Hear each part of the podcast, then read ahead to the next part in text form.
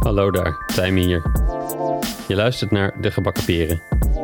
Hier interview ik mijn peerondernemers.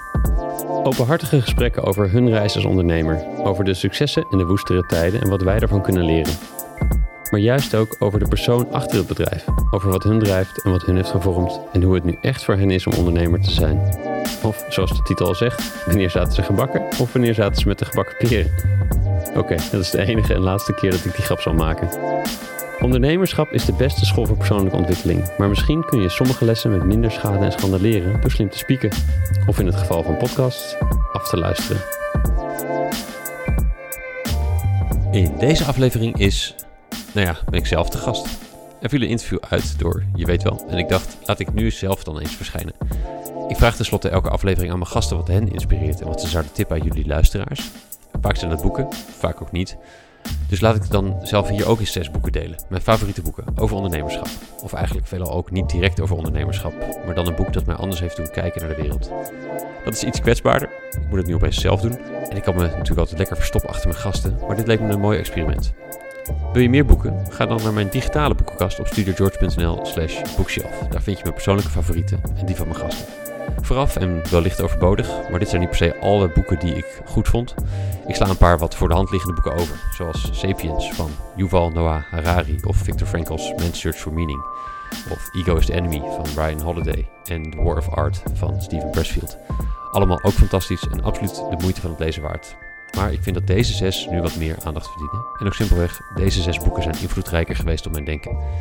Ik zal proberen naar voren te laten komen wat ik er zo goed aan vind. En ik zal het quoten uit de boeken. Laat me weten wat je vindt van dit experiment. En zeker ook als je een boek ervan oppakt, laat me dan weten hoe je dat vond. Stuur me dan een berichtje via timen.studiogeorge.nl Vind ik leuk. Enfin, daar gaan we.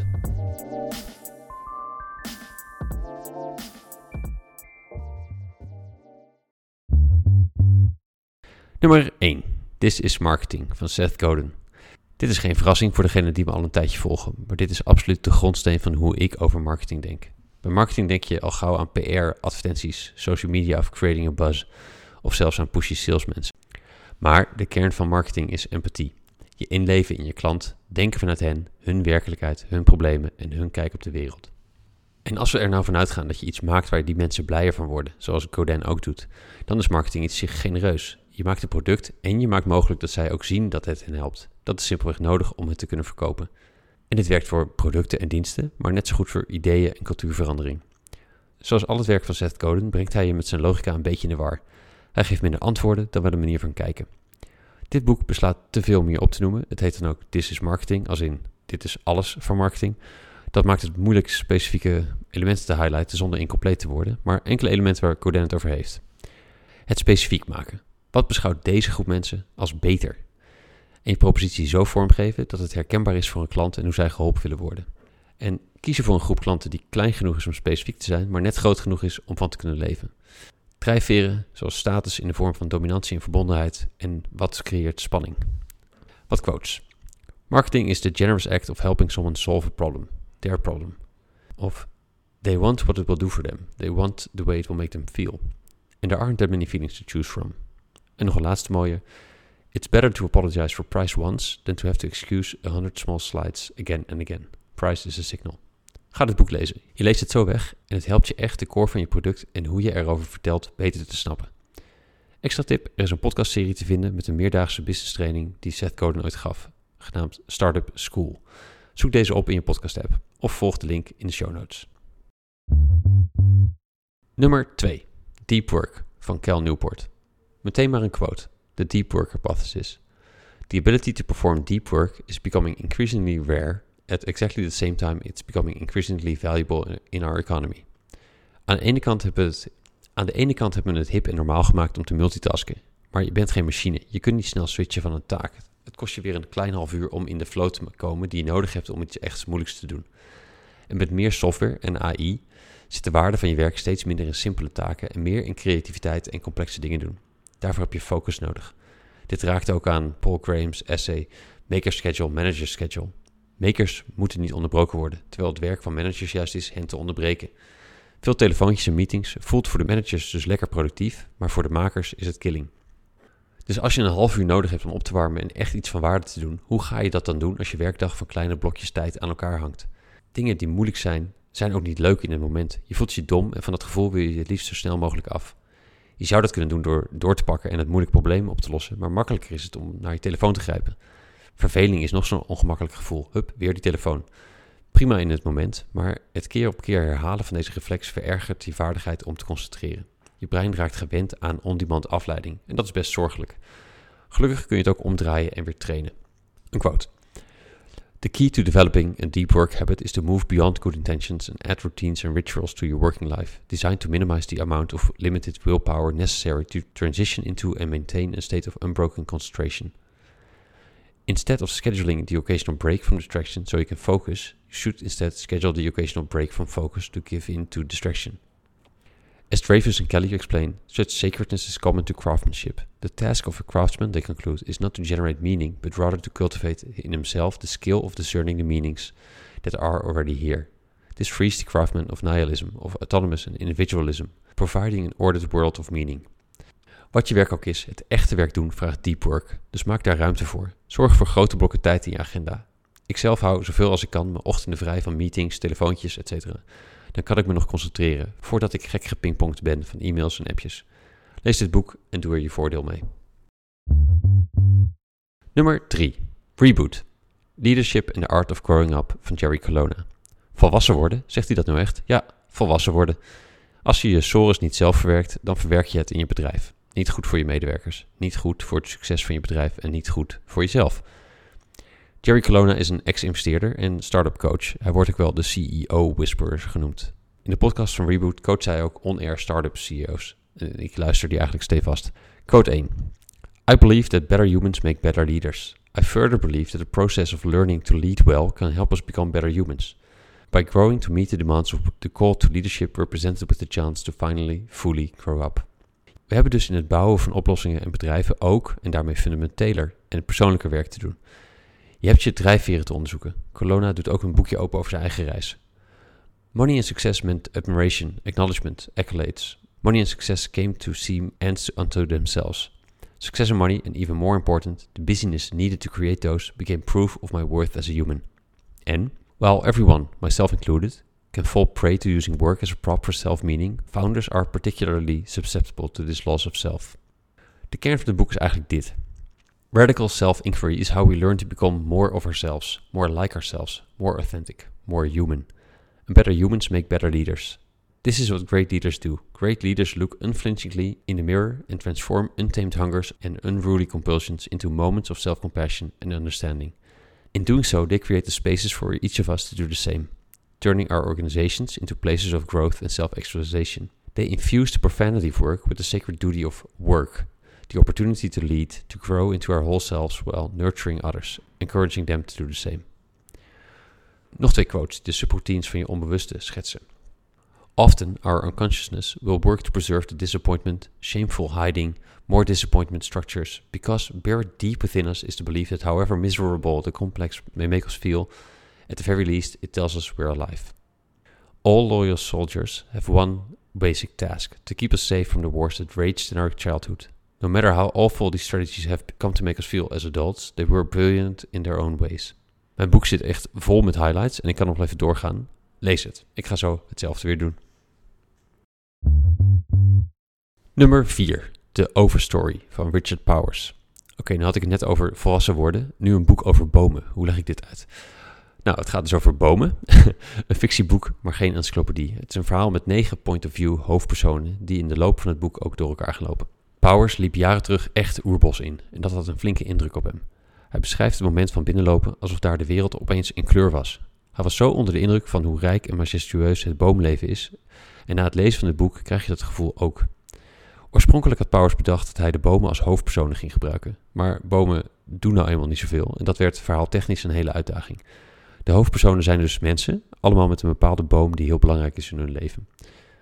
Maar Powers schrijft wel alsof de verteller van het verhaal een boom is. Het gaat eigenlijk ook meer over de boom in het leven van de personages dan over henzelf. Menselijke strubbelingen of problemen zijn nietig in de relatie tot het leven en de tijdsgeest van bomen of de natuur. Soms gaat het verhaal ook in het tempo van een boom. Dan schieten de generaties mensen hier voorbij terwijl een kastanjeboom verder groeit of een bos verplaatst over het continent. Daarnaast zijn er metaforen of vergelijkingen die hij gebruikt alsof je er naar kijkt als een boom. Een quote waar je dit in ziet terugkomen. Watching the man, hard of hearing, hard of speech, baddie, learns that real joy consists of knowing that human wisdom counts less than the shimmer of beaches in a breeze. As certain as weather comes from the west, the thing people know for sure will change. There is no knowing for a fact. The only dependable things are humility and looking. Na het lezen van dit boek was ik eigenlijk twee maanden in de war. Ik ben de wereld ook anders gaan zien en stad en beton werden echt een afknapper. Het is ook een activistisch boek. Het verhaal volgt personages in een kweeste de oerbossen te redden. Veel van wat we als mensen doen of normaal vinden, wordt in, noem het boomperspectief, vrij abnormaal. Het klinkt maf, maar het is echt een aanrader. Nog twee quotes. Her trees are far more social than even Patricia suspected. There are no individuals. There aren't even separate species. Everything in the forest is the forest. Competition is not separable from endless flavors of cooperation. Trees fight no more than do the leaves on a single tree. It seems most of nature isn't red in tooth and claw, after all. For one, those species at the base of the living pyramid have neither teeth nor talons. But if the trees share their storehouses, then every drop of red must float on a sea of green. Nog eentje. To be human is to confuse a satisfying story with a meaningful one, and to mistake life for something huge with two legs. No, life is mobilized on a vastly larger scale, and the world is fading precisely because no novel can make the contest for the world seem as compelling as the struggle between a few lost people. Nou, dat dus. Het is echt moeilijk om hier recht aan te doen, maar ik kan het niet genoeg aanraden. Ik ben benieuwd wat je ervan vindt. Nummer 5. The Startup Community Way van Brad Veld en Ian Hathaway. Soms heb je van die boeken die niet per se supergoed zijn, maar je toch pakken. Brad Veld greep me in zijn interview met Tim Ferriss op zijn podcast met zijn verhaal hoe hij systematisch had gebouwd aan de startup community in Boulder, Colorado. Nu zit ik niet zo in de tech-startups, hoewel ik eerder wel meegesleept werd in het verhaal van world domination, raketlanceringen en de groei van alle web- en IT-startups. Intussen vind ik de meeste techbedrijven een beetje tijdverspilling. Maar een lokale community van impactondernemers bevorderen en aanwakkeren, dat sprak tot me. Als een volgend hoofdstuk in mijn werkende leven. Dit boek is daar een soort handboek van werkprincipes voor. Wat er ook nog eens bij kwam is dat Veld en Hathaway in dit boek de link tussen startup communities en complex adaptive systems leggen. Systems thinking is een veld waar ik vanuit de Art of Hosting al bekend mee was. Daar is het de basisgedachte van bijvoorbeeld innovatie en cultuurverandering aanwakkeren door middel van het mogelijk maken van de essentiële gesprekken. En het was dus leuk om deze twee werelden samen te zien komen. Quote. Startup communities are complex adaptive systems that emerge from the interaction of the participants. Understanding and embracing complex systems and how they operate is essential to building a vibrant long term startup community. Principally, among these is an understanding that value is created by the emergent processes that result from the repeated interactions of the many parts. Klinkt moeilijker dan het is. Vier werkprincipes uit de Boulder Thesis. Entrepreneurs must lead the startup community. 2. The leaders must have a long term commitment. 3. The startup community must be inclusive to anyone who wants to participate in it. And 4. The startup community must have continual activities that engage the entire entrepreneurial stack. Als laatste, our central message is that any startup community can be improved by enhancing collaboration, support, knowledge sharing, taking a give first approach and placing the entrepreneurs at the center of things. Eigenlijk is dit een oproep. Doe mee, dan verbeteren we samen het ecosysteem voor impactondernemers. De laatste, nummer 6. Het grote gevecht van Jeroen Smit. Non-fictie, maar verhalend. Het grote gevecht gaat over Unilever als bedrijf en over de missie van CEO Paul Polman om er een purpose-driven organisatie van te maken. Jeroen Smit schrijft dit ontzettend levendig op. Het boek grijpt je, zelfs wanneer je een geschiedenisles krijgt over het ontstaan van Unilever. Knap ook hoe de taal die gebruikt wordt zich steeds weer aanpast aan de kijkwijze en het wereldbeeld van de persoon in kwestie waar vanuit het verhaal op dat moment gevolgd wordt. Dit boek geeft echt een inzicht in hoe een systeem vast kan zitten in zichzelf, in hoe moeilijk het is om de cultuur te veranderen. Zo'n bedrijf als Unilever heeft een enorme legacy, dat verandert gewoon niet zomaar. Dat het zelfs een CEO van een van de grootste internationale bedrijven niet lukt om het anders te doen, ook niet wanneer de missie juist is en volkomen logisch. Zijn missie wordt enorm tegengewerkt door alle krachten in het bedrijf, de kapitalistische cultuur en de aandeelhouders. De drang naar korte termijn winst op aandelen, daar loopt Polman zelfs bij de pensioenfondsen, een van de grote aandeelhouders, tegenaan terwijl juist zij toch een lange termijnvisie zouden moeten kunnen hebben. En die cultuur is mondiaal. Als je als bedrijf niet genoeg winst maakt, dan kan een ander bedrijf een bod doen aan je huidige aandeelhouders met de belofte dat wel te doen. Polman en Unilever weten ter nauwe nood de agressieve overname van Kraft Heinz te overleven. Het geeft je dus een kijkje in de complexiteit van vooruitgang, de stroperigheid ervan. Het praat er niet goed voor me, maar het maakt me wel iets nederiger in hoe het moeilijk het is. Je ziet dat concessies niet per se juist zijn, maar dat je zonder gewoon niet verder komt. Zelfs de discussie over de dividendbelasting komt ermee in een ander licht te staan. Heel leerzaam. Ga het lezen. Ja, dat waren ze. Nog één keer allemaal. This is Marketing, Deep Work, Reboot, The Overstory, The Startup Community Way en Het Grote Gevecht. Laat me weten wat je van deze boeken vindt. En ik hou me natuurlijk aanbevolen als je een boek hebt waarvan je denkt op basis van deze zes dat ik het ook kan waarderen. Stuur me een berichtje op tijmen.studiogeorge.nl. Vind ik altijd leuk. Heb een goede dag en tot de volgende. Dan weer met een gast. Ja, dat was hem alweer. Dankjewel voor het luisteren. Wil je zeker weten dat je de volgende aflevering ook vindt? Abonneer je dan op de podcast. Je weet hoe het werkt in de app die je gebruikt. Weet ook dat ik van alle afleveringen uitgebreide show notes met de lessen en de links uit het interview maak. Deze vind je op www.studiogeorge.nl slash podcast. En ik ben heel benieuwd hoe je het gesprek vond. Waar kon je geen genoeg van krijgen of waar zou je meer van willen horen tijdens de gesprekken? E-mail me op tijmen.studiogeorge.nl Als laatste, na elk interview werk ik één inzicht uit in een korte blog. Die stuur ik met liefde naar je inbox, gepaard met wat links die me inspireerden die week.